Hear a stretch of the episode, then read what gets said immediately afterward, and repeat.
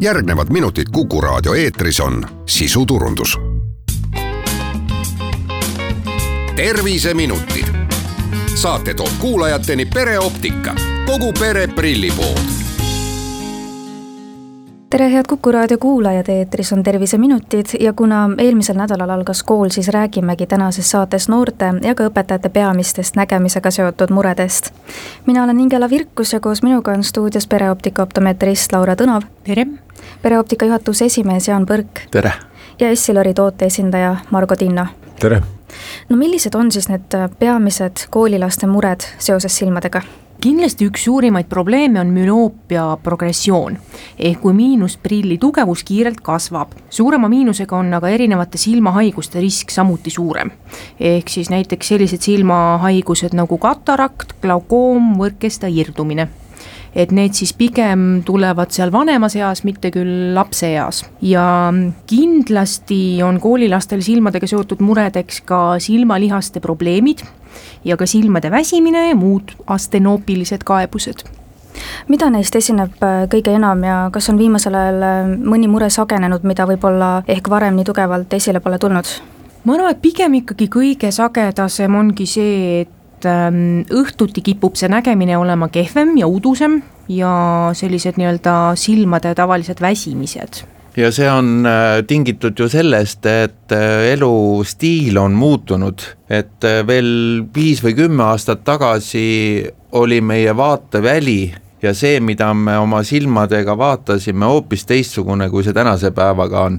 ja kui me veel ettepoole vaatame, siis tegelikult on muutunud hoopis äh, ka see, et enam ei ole vaja nii palju vaadata kaugele, kui just ongi see lähedale vaatamine muutunud inimese jaoks primaarseks kui paljud koolilapsed siis äh, prille vajavad, ma lugesin hiljuti, et kooli tervisekontrollide eelmise aasta kokkuvõte näitab, et igal viiendal Tallinna kooliõpilasel on probleeme nägemisega ja peasüüdlaseks on nutiseadmed, on see olukord siis tõesti nii tõsine?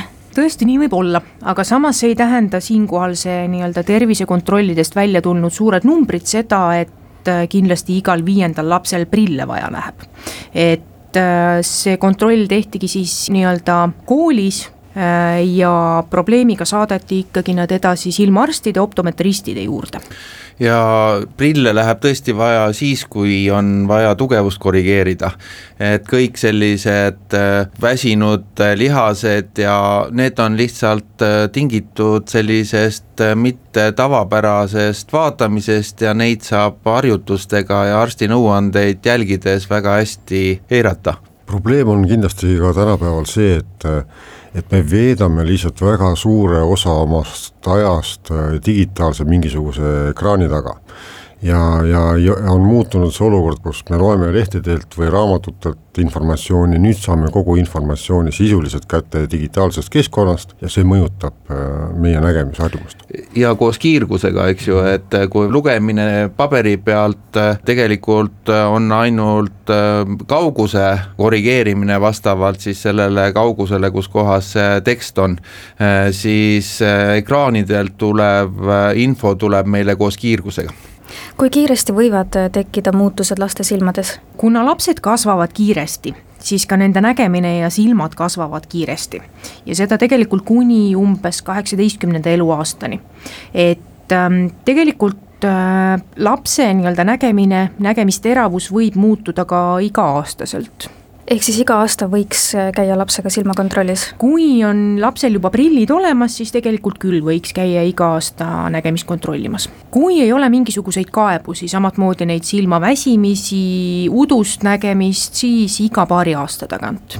ja siin võib muidugi öelda seda, et äh, lapsevanemad peaksid ikka vaatama seda, et lapse õppeedukus, tema käitumine ja kõik oleks normaalne, et kui seal on mingi muutus, see võib olla tingitud ka sellest, et laps ei näe lihtsalt tahtsingi sinna jõuda, et äh, kui täiskasvanud oskavad nägemise muutusi tähele panna, siis paraku lapsed seda tihtipeale ei oska ja siin ongi vaja just täiskasvanu abi. millised on siis need märgid, mille järgi võiks nii lapsevanem kui miks mitte ka õpetaja ära tunda, et, et äh, laps näeb tõenäoliselt halvasti ja tema silmad vajavad kontrolli? kui me nüüd räägime koolilastest, siis tegelikult üks kavalamaid asju, mida koolilapsed äh, teevad, on see, et äh, kui nad ei näe tahvlile, siis nad teevad tahvlist telefoniga pilti ja siis suurendavad seda pilti oma telefonis. et siis kindlasti seda saab äh, õpetaja jälgida, aga ka kindlasti see, kui lapsel on raskusi lähitööl et näiteks peab ta lugedes sõrmega järge pidama või on näiteks tähed topelt, hüppavad paberi peal laps ei suuda keskenduda üle kümne minuti lähitööle, siis võib olla olemas ikkagi prillivajadus ka. ja samuti tuleks ka jälgida, et kas lapsel on suurenenud pisarate vool või on silmad hoopis õhtuks kuivad, punased ja laps hõõrub neid. Et kas esineb ka peavalusid, noh muidugi samamoodi igasugused kaugele vaatamisel kissitamised ja mina tahaks lisada, et äh, kui me õigel ajal suudame kõik need äh, probleemid avastada, siis on täiesti normaalne, et inimene elab, äh, ma ei tea, kaheksateistkümnendast eluaastast, siis kui kõik on välja arenenud juba ilma prillideta ja täiesti hästi, nii et ei vajagi enam prilli, et see kasvamise hetk on ääretult oluline, et sellel ajal pööratakse tähelepanu kõikidele lapsega toimuvatele muutustele nii silmadele, kõrvadele kui ma ei tea, kätele ja jalgadele. no nüüd äh, kooliaasta alguses on hea üle vaadata ja kontrollida ka nende laste prillid, kellel on need äh, juba määratud ja välja ostetud eelmisel hooajal. üle peaks kontrollima, et ega prilliraamid pole väikeseks jäänud või klaasid saanud kriimustada, kuid mil moel muuta siis prilli kandmine mugavaks ja meeldivaks neile, kellele määratakse prillid esmakordselt? Kindlasti on väga tähtis kuulata prillipoe klienditeenindajate soovitusi, sest et nemad on need inimesed, kes siis vaatavad, kas prilliraamid istuvad näiteks mugavalt nina peal, kõrva tagant, prillisangad on õige pikkusega ja nii edasi. et kindlasti soovitaks ka seda, et arvestada lapse enda soovidega, sest et laps on just see, kes hakkab neid prille kandma kui me räägime nüüd aga õpetajatest, kes samuti taas intensiivsemalt oma silmi kasutama hakkavad, siis äh, viimastel aastakümnetel on õpetajate töö väga palju muutunud, kuna aina enam kasutatakse ju töövahendina arvuteid. kui palju see õpetajate nägemist mõjutanud on? Ikkagi väga palju, et täpselt nii, nagu on õpilastega, siis tegelikult õpetajatel esineb enam-vähem samu astenoopilisi kaebusi. ehk siis silmaväsimused, punased silmad, silmad kuivad või on just pisarate vool väga palju, pingepeavalud, sellised asjad ja loomulikult aitab sellele kaasa kõige rohkem see kunstvalgus, mis ümberringi on, et äh, õpetajatele ja nagu täiskasvanutele inimestele üldse on äh, suureks abiks nüüd äh, tõesti uutel digitaalsetel meetoditel välja töötatud mitmevaatelised prilliklaasid, mis annavad siis võimaluse ühe prilliga vaadata nii kaugele kui lähedale ja kui kasutada kõigi neid kaasaegsemate katete võimalusi, sinise valguse plokki, peegeldusvastast katet, kriimustuskindlust tagavad katted, et siis tegelikult on vaatamine mugav ja õhtuks ei väsi silmad nii palju ära.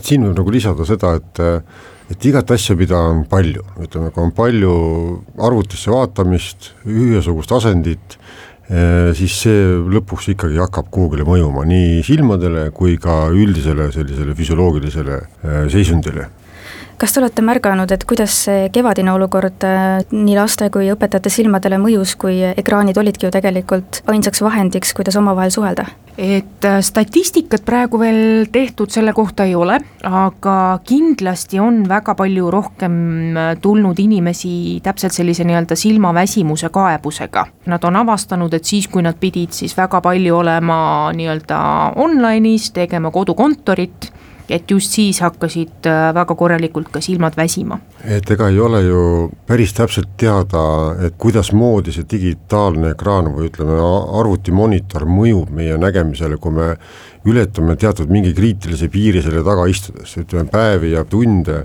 et mis siis nagu juhtub, et äh, esmane, mis juhtub, on see, et me lihtsalt väsime ära, me ei taha seda ekraani enam vaadata, see on märk sellest, et organism annab meile märku, et nüüd tuleks lõpetada mida te siis kindlasti või konkreetselt soovitaksite pakutegi just äh, nii õpetajale kui õpilasele, kes nüüd hakkavadki äh, suurema osa ajast klassiruumis veetma, kus ongi seda tehisvalgust nii palju ja kelle silmade töö muutub pärast suvepuhkust väga-väga intensiivseks? nagu Jaan ennem mainis, et ütleme, tehisvalgus on valgus, kus nüüd kogu selle algava aasta perioodi või õppeaasta perioodi jooksul ollakse, eks ole, nii lapsed kui täiskasvanud, ta ei saa olla kunagi sama hea kui päiksevalgus, kus on kõik spektrid kaetud.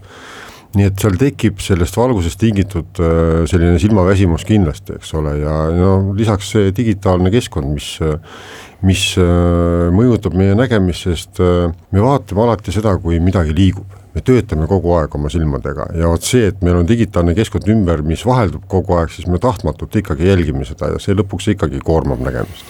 mina tahaksin lisada, et tegelikult prillid on ikka ilusad asjad ka ja nad annavad ju inimesele selle imidži, teed uued prillid, äh, sobitad selle enda iseloomuga, sa näed enesekindel ja selline kindlameelne välja, sa oled äh, nagu uuesti sündinud, nii et, et prillid ei ole üldse mingisugused probleemsed äh, abivahendid, vaid eneseväljenduse äh, elemendid ja mina soovitan küll olla moodne, kanda prille ja sellega kaitsta oma nägemist ja tunda rõõmu sellest, et on võimalik väga hästi näha kindlasti on ju ka üks osa neid õpetajaid ja neid noori, kes ei taha kanda prille ja kannavad hoopis kontaktläätsesid. Teie seisukohalt, ähm, kellele ja millistes tingimustes on kontaktläätsed sobivad? Kui me nüüd räägime lastest, siis äh, lastele kontaktläätsi soovitame me alates kaheteistkümnendast äh, eluaastast, näiteks trennis kasutamiseks ja pigem selliseid ühekordseid läätsi. täiskasvanutele soovitame nii ühekordseid kui ka kuuseid või pikemaajalisi kontaktläätsi, et see nüüd natuke oleneb sellest, millal inimene läätsi kanda soovib. Aga läätsede puhul alati peab ka mõtlema selle peale, et kui silmad on juba ilma läätsedeta kuivad, siis koos selle nii-öelda kontaktläätsega kuivavad silmad veelgi rohkem no lõpetuseks äh, jagage palun soovitusi, et äh, kuidas saaksid siis nii õpetajad kui koolilapsed oma silmi hoida, no näiteks äh, viis soovitust.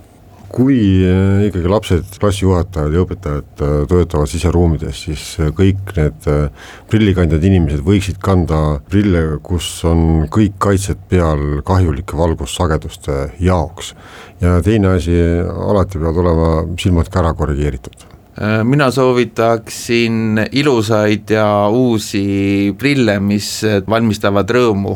Äh, minu soovitus oleks see, et kindlasti mitte lugeda ega kasutada nutiseadmeid hämaras, sest see väsitab silmi. Äh, samuti ka see, et ei soovita tuua nutiseadet või ka teksti, mida lugeda, lähemale kui kolmkümmend sentimeetrit ja viimaseks siis kindlasti külasta vähemalt iga kahe aasta tagant optometristi, et kontrollida, kas nägemine on muutunud. Siinkohal ongi aga hea lõpetada, suur aitäh kuulamast. mina olen Ingela Virkus ja koos minuga olid stuudios pereoptika optometrist Laura Tõnov, pereoptika juhatuse esimees Jaan Põrk ja Essilori toote esindaja Margo Tinno. aitäh teile saatesse tulemast ja nõu andmast. aitäh, aitäh.. terviseminutid, saate toob kuulajateni pereoptika kogu pere prillipood